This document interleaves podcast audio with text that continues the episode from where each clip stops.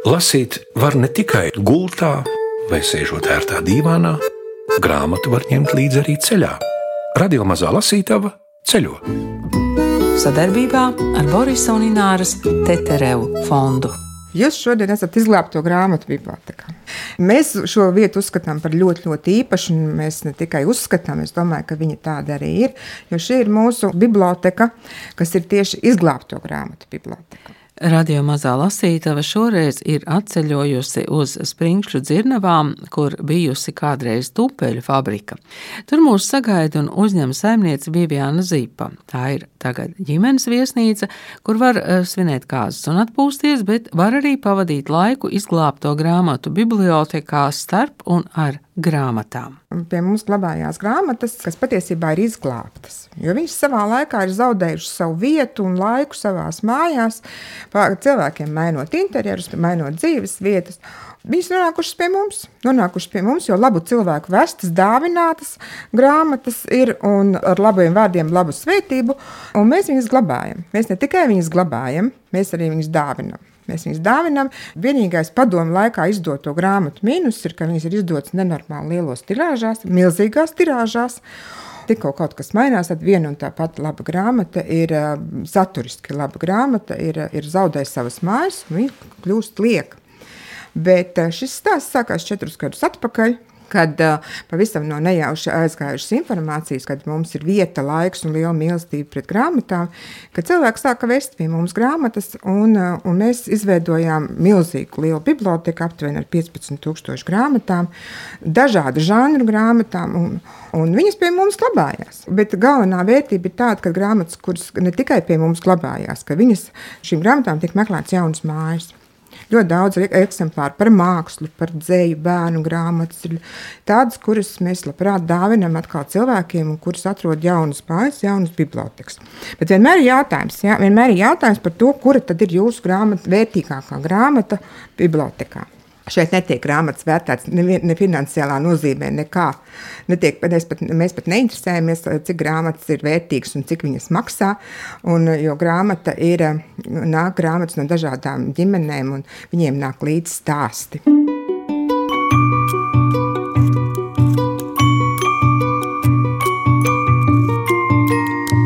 Radio Mazā Lasītava.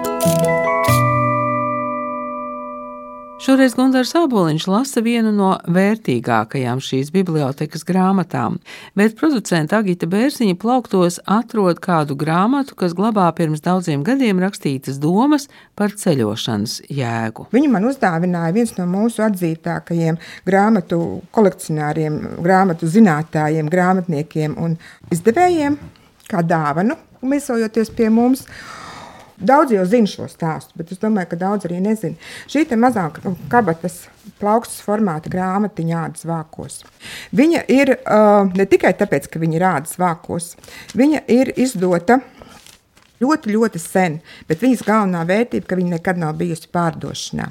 Teksts uh, un saturs absolūti ne ar ko mums nepārsteidz. Eduards Virs Straumēni, kas ir izdota patiesībā daudzos arī pēc tam, daudzos izdevumos, uh, dažādos gados, bet uh, ir ieraksts Latviešu karavīriem Austrumu frontē. Šī grāmata nekad nav bijusi pārdošanā. Viņa ir pa vienam eksemplāram, ir, ir dota līdz mūsu puišiem uz fronti, mūsu leģionāriem. Līdz ar to mēs nezinām, kāds ir šīs grāmatas stāsts, kāds ir liktenis šim cilvēkam, kuram šī grāmata tika iedota frontē, bet viņa ir nonākusi pie mums, mūsu bibliotekā, un mūsu vērtējumā šī ir visvērtīgākā grāmata.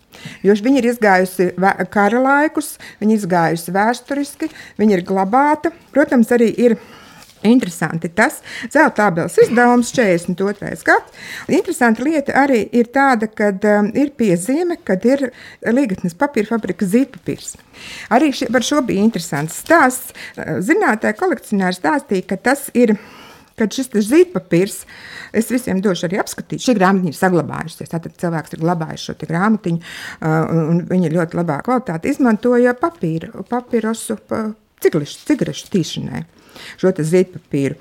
Bet um, šobrīd uh, Līgas papīra fabrikā, tad, kad mēs bijām Līgas um, festivālā, papīra fabrikas festivālā, um, pie manis pienāca vecais direktors. Un, un teica, kad mēs par šo te runājām, viņš teica, šis ir Jā, norītis.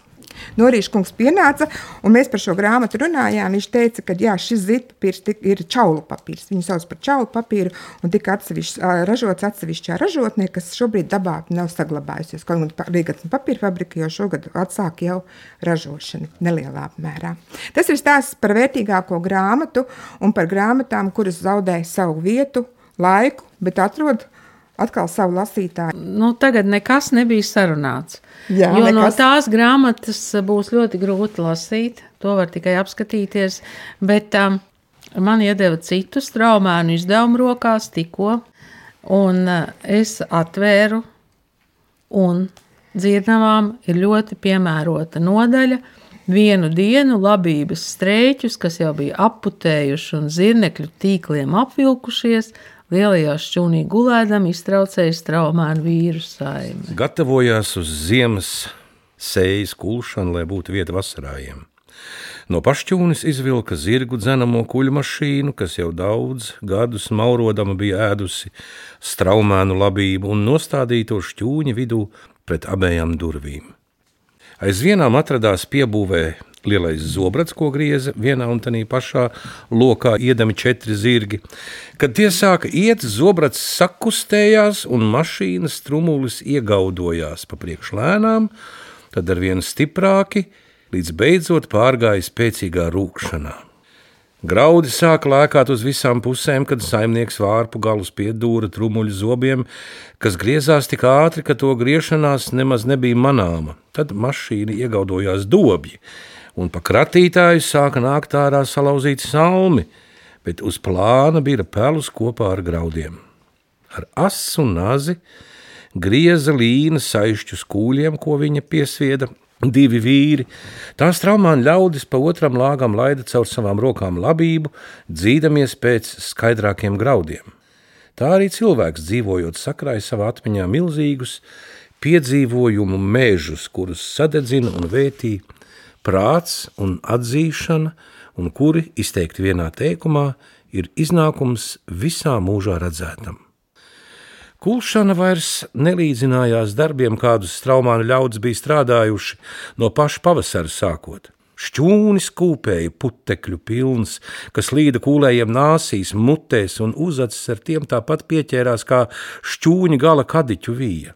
Akoti aizlīdušais kakliem griezās sviedrainajās miesās, un brīdī, kad pārāk garie kūļi aptinās trumulim un mašīna apstājās, ļaudis izskrēja ārā šķaudīdami, kur pie šķūņa pienākuši jau vietām bāli dzeltēja mieža un auzu lauki. Jaunākiem viss izlikās grūti, bet vecākie, paskatījušies uz sienām, kur garos kātos pakārti karājās spriguļi, tikai pasmējās. Viņiem nāca atmiņā naktis, kad saldamies pirmos gaiļos, tie vilka no ārdiem zemē pēc dūmiem smaržojošos kūļus un noguldījuši tos metienā kūla līdz rīta ausmai. Bet vecajiem arī nepatika šī mašīna, jo tās kultiem graudiem nebija vairs tā brieduma un maizē tās smaržas, kā labībai, kas bija žāvējusies rīs sūrajā versmē. Četras dienas no vietas gaudoja kuģmašīnas traumēnu šķūnī, un daļu lapas un nātres, kas auga gar tā pamatiem, un jumtu palodes un stenderis, bija gluži noputējušas. Lielās stirpās gulēja šķūņi vienā galā graudi kopā ar pelūmu, un nu bija pienācis vētīmās mašīnas laiks. Divi vīri nepiekustami to grieza, un kamēr viens ar liekšķeri bēra no augšas graudus, vējā, ko sacēla mašīnas iekšienē lielie spārni, pelus skrēja projām un pa zābaku lēnām sāka līt uz plāna zeltaina kviešu graudu straumi.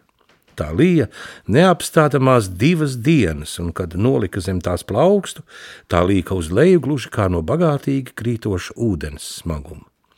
Saimnieks piegrāba pilnu sauju graudu un izgājis šķūņa durvīs, cilāja un vērtēja tos, elpu aizturējis, un pateicībā viņa acis aizslīdēja pāri laukam, kurā jau pelēkos rugājus bija pāraudzis tumši zaļš āboliņš.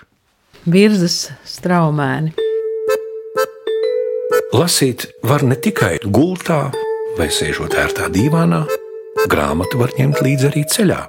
Radio mazā lasītava ceļo. Grāmatas ir savedušas kopā cilvēkus no tālām pasaules malām, bet Ines un Āris Aveni, kuri saimnieko Eiropas Latviešu centrā Bērzainē Vācijā, komplektē arī sava centra biblioteku ar sprinkšļu dzirnavu īpašnieku palīdzību.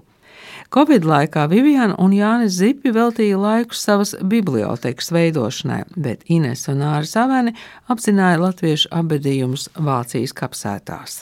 Manuprāt, tas bija tieši pirms četriem gadiem, kad Viviana un Jānis Zipi izvēlējās apciemot uh, Daugavas Vanagu Vācijā, namu Bērzainē, Dienvidvācijā, um, un sadraudzēties ar mums. Un, laikam jau viņiem bija nevien atpūtas sapnis, bet arī papildināt mūsu biblioteku.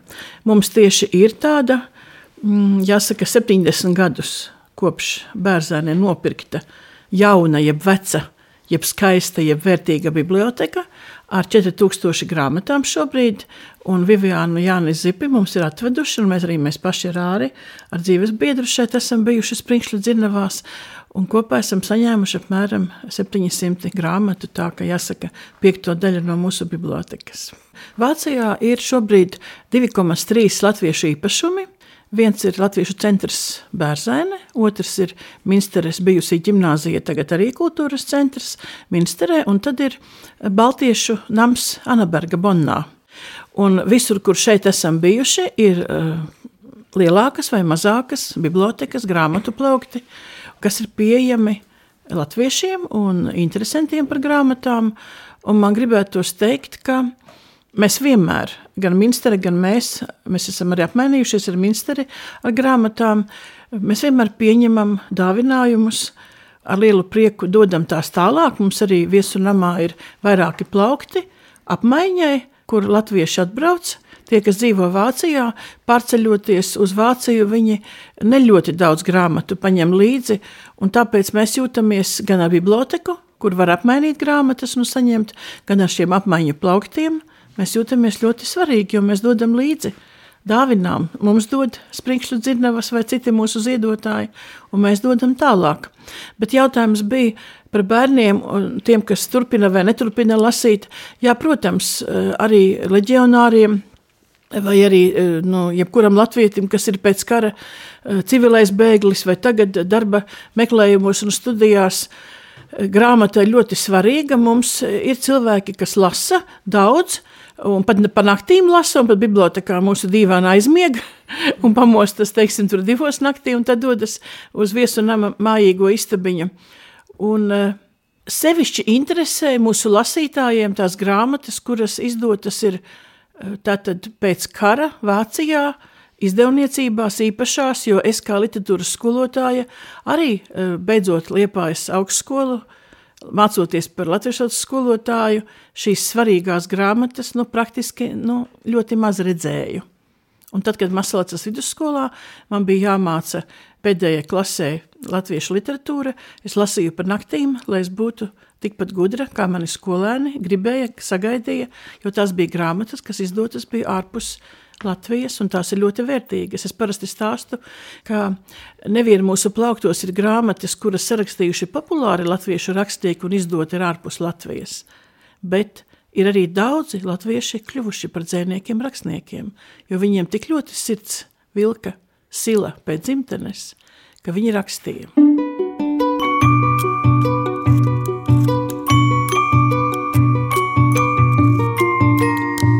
Radio Mazā lasītava. Tā ir eh, jau tāda mūsu laiku trimda vai mūsu laiku diaspora, kas ir atbraukuši uz Vāciju. Mēs, kā Viviana Covid laikā, šeit biblioteku ierīkojam. Mēs eh, Covid laikā arī viesunams un kultūras pasākumi notika nu, minimāli mums pašiem, tomēr notika. Mēs arī nolēmām papētīt eh, latviešu gaitas ap mums, Mēs apmeklējām tuvējās kapsētas, lasījām uzrakstus uz kapu pieminekļiem, runājām ar cilvēkiem kapsētās un arī saistītās iestādēs ar kapsētām, nu, cik drīkstēja telefonu sarunās. Ir ļoti aizgājuši, aizgājusi vecā diaspora. Tā ka mūsu apmeklē, tā varētu teikt, desmitā daļa senie ļaudis, ja, kas bija pēc kara emigrējuši, un deviņas desmitdaļas būtu mūsu latvieši, tagadējie no Eiropas, no Vācijas, jo mēs esam Eiropas latviešu centrs, latviešu centrs bērzēne, ne tikai Vācijas.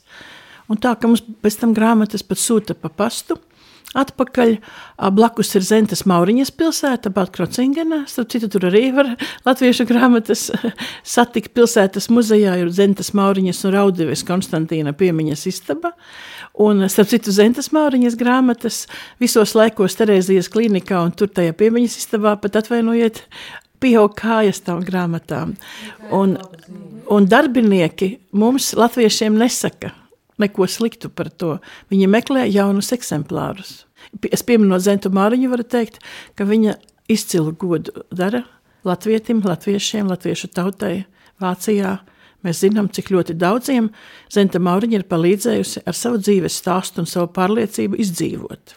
Jūs esat tādā ļoti strateģiski labā vietā starp Vāciju, Franciju un Šveici. Ja?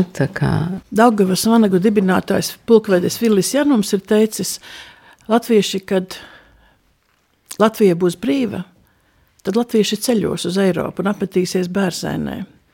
Un mēs tiešām esam pateicīgi par to, ka latvieši mūs apmeklē, mīl, ciena, par to darbu, ko leģionāri izdarījuši jau būdami invalīdi. Pirms 70, 60 gadiem dzīvojot bērzēnē un tagad mūsu bērzēnes komanda Daugos Vanagu Vācijā valdes vadībā turpina. Mm, no mums ir tādas diezgan satraucošas ziņas par Šveici, kur Kastaņolā iespējams eh, pēc pāris gadiem vairs nebūs Rāņu un Aspazīs um, tā piemiņas istaba, ko Latvijas valsts 2018. gadā tur atvēra. Vai ar Zentas Mauriņas eh, piemiņas istabu viss ir kārtībā? Es drusku pieminēšu, ka mēs esam bijuši arī paši Šveicē, protams, jau mūsu darbinieki. Un arī esam satraukti. Nu, pat izlasīju, ka Šveices Itāļu Latviešu biedrība Alīze ir uzrakstījusi vēstuli. Ja? To vada lieliski cilvēki, latvieši, par savu satraukumu, lai, lai kaut ko dara Latvijas valdība. Ja? Un visi kopā sadodas rokās. Eh, bet atbildot par Zentu Mauriņu, es pilnīgi varu pārliecināta būt tāpat kā Vivianas kundze teica, ka biblioteka šeit izglābto grāmatu būs ilgi un skaisti. Zentas Mauriņas piemiņas istaba būs mūžīgi mūžos. Jo eh, tik cik ļoti eh, Baltkrociņgenas pašvaldība ir izdarījusi, kapa vieta ir eh, Zentai Mauriņai kā goda pilsonai. Tiek kopta, ja, mēs arī tur braucam nu, reiz, vidēji divreiz mēnesī, ja, paši gan arī ar delegācijām latviešu. Bet tur viss ir kārtībā. Ja. Tātad Zentas Mauriņas iela, kas saucas Maurina Vēga, Tālāk, pilsētas muzejā ir Zentas Mauriņas un Konstantīna Raudīves piemiņas istaba iekārtota. Eh, viņas nāves un dzimšanas dienām vienmēr ir pasākumi, literāri, muzikāli, pilsētā.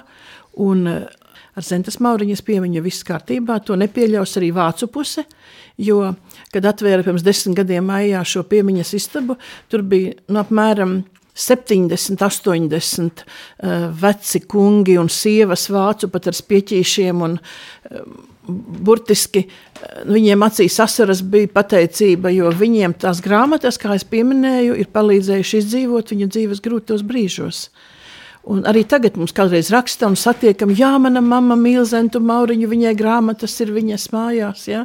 Un arī es tur saceru skaņdarbu eh, pēc tam, kad izlasu Zentas Mauriņas grāmatu, jo viņai ļoti daudz ir grāmatu vāciski, bet vairāk kā latviski. Mūsu bibliotekā ir četri lieli plaukti ar Zentas Mauriņas grāmatām latviski un vāciski. Pērzēnes bibliotekā. Rainis, tāpat kā Zenta Mauriņa, ir rakstījis ļoti daudz vāciski un vāciski viņš ir arī publicēts.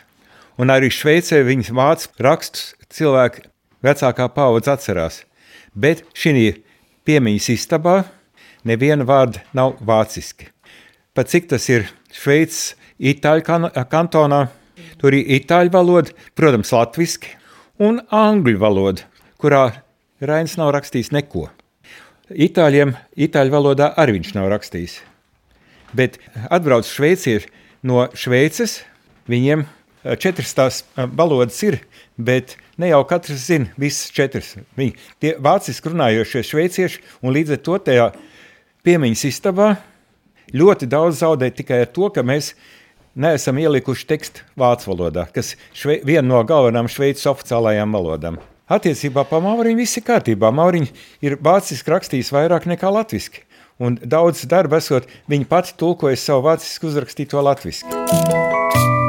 Tad es saprotu, ka Vācijā ar Zemes Mauriņas un Konstantīnu Raudīvas piemiņas istabu viss ir kārtībā. To Šveici mēs paturēsim tomēr uzmanības lokā. Ja? Producenta Agita Bērziņa pa to laiku ir atradusi Zentu Mauriņu uzdrīkstēšanās. Uzdrīkstēšanās. Zelta putns. Skaistums, ko nevar tālāk dāvāt, pārvēršas smagā zelta bumbā, ko turot noslīkst rokas un drīz vien tām vairs nav spēka celties augšup un svētīt.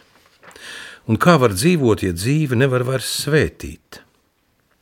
Bet skaistums, ko tālāk dod, ir zelta putns, kas ar vienu atgriežas turp, no kurienes aizlidojis, un katru reizi atgriežoties, viņas pārni mirdz spožāki, tie kļuvuši it kā lielāki. Katru reizi, kad es domās atgriežos Somijā, es jūtu, ka tur saņemtā bagātība man jādod tālāk. Es redzu klintis ceļamies, redzu, kā uz viņu mugurām izauga meži. Es dzirdu dzimtenē nekad nedzirdētas putnu balsis, es redzu ezerus, dzelmaini dzidrus. Tādu es vēlētos savu dzīvi. Bet vienmēr un visur mani pavada doma, katra ceļojuma galā mērķis ved atpakaļ pie cilvēka. Skaudība ir netikums, bet redzot, ka bezdalīgs viegli lido bez valūtas, vīzes un pases, Manī katru reizi kaut kas iesāpas, bet varbūt vienam otram cilvēkam ir vēlme, kurā atzīties jau neprāts. Viena no grūtākām mākslām ir prasme pareizi ceļot. Mūsdienu cilvēks ceļo vairāk nekā ceļojusi viņa vecmāmiņa, bet šķiet, ka mūsu vecmāmiņas no saviem ceļojumiem vairāk pārvedušas. Pareizi ceļo tas, kas no ceļojuma atgriežas bagātāks bet es esmu pārāk daudzus redzējusi, kas no ceļojuma atgriezušies ne tikai tukšām kabatām, bet arī tukšām dvēselēm, pilnu čemodānu, bet tukšu garu, novītušu vienaldzīgu seju. Viviana, jūs esat kādreiz tā iedomājusies, nu, pēc desmit gadiem, kas šeit būs? Šis pēc desmit gadiem pilnīgi noteikti arī šeit būs biblioteka. Es esmu pilnīgi pārliecināta, un vēl pēc desmit, un vēl pēc desmit, kur, jebkuru grāmatu, kas šeit nonāk, mēs ap, apmīļojam. Uh, un, un liekam plauktā, vai arī meklējam jaunas mājas. Tā kā pilnīgi noteikti tas process ir nebeidzams. Ja mēs paturpinām tēmu par grāmatu ārpus Latvijas, tad mēs, tad mēs varam aiziet ļoti, ļoti nopietnās tēmās. Jo mēs esam saņēmuši grāmatas ne tikai no Latvijas, mēs esam saņēmuši no Vācijas, mēs esam saņēmuši no Vašingtonas. No Vašingtonas draudzes Māra Vīkstīņas kundze mums atsūtīja milzīgu sūtījumu par latviešu um, autoru darbiem izdotiem ārpus Latvijas. Jo problēma jau ir tāda, ka ārzemēs, bainoties paudzēm, latviešu valodas um, lasīšana iet zudumā. Un līdz ar to grāmatas zaudē savu vērtību, bet mēs esam saņēmuši ļoti vērtīgu sūtījumu. Pilnīgi noteikti. Bet arī ir otra puse, ka mūsu dubultnieki ir nokļuvuši ārzemēs. Gan Amerikā, gan Norvēģijā, gan arī liela daļa ir arī Vācijā. Laika grāmatas vadītāja Ligita Koftunas springšu dzirnavās mums ļauj ieskatīties Ojāra cēles vēstulēs, kas nu jau klajā nākušas ar nosaukumu Atklātas vēstules. Par ko tās ir un kā nonākušas līdz grāmatai, par to būs mūsu nākamā lasītāva, bet to Zentas Mauriņas domu par jēdzīgu ceļošanu gan vērts pārlasīt pirms katras ceļošanas, kaut vai tepat netālu. Lasīt var ne tikai gultā vai sēžot ērtā dīvānā, grāmatu var ņemt līdzi arī ceļā. Radio mazā lasītava ceļo. Sadarbībā ar Borisa un Ināras Teterevu fondu.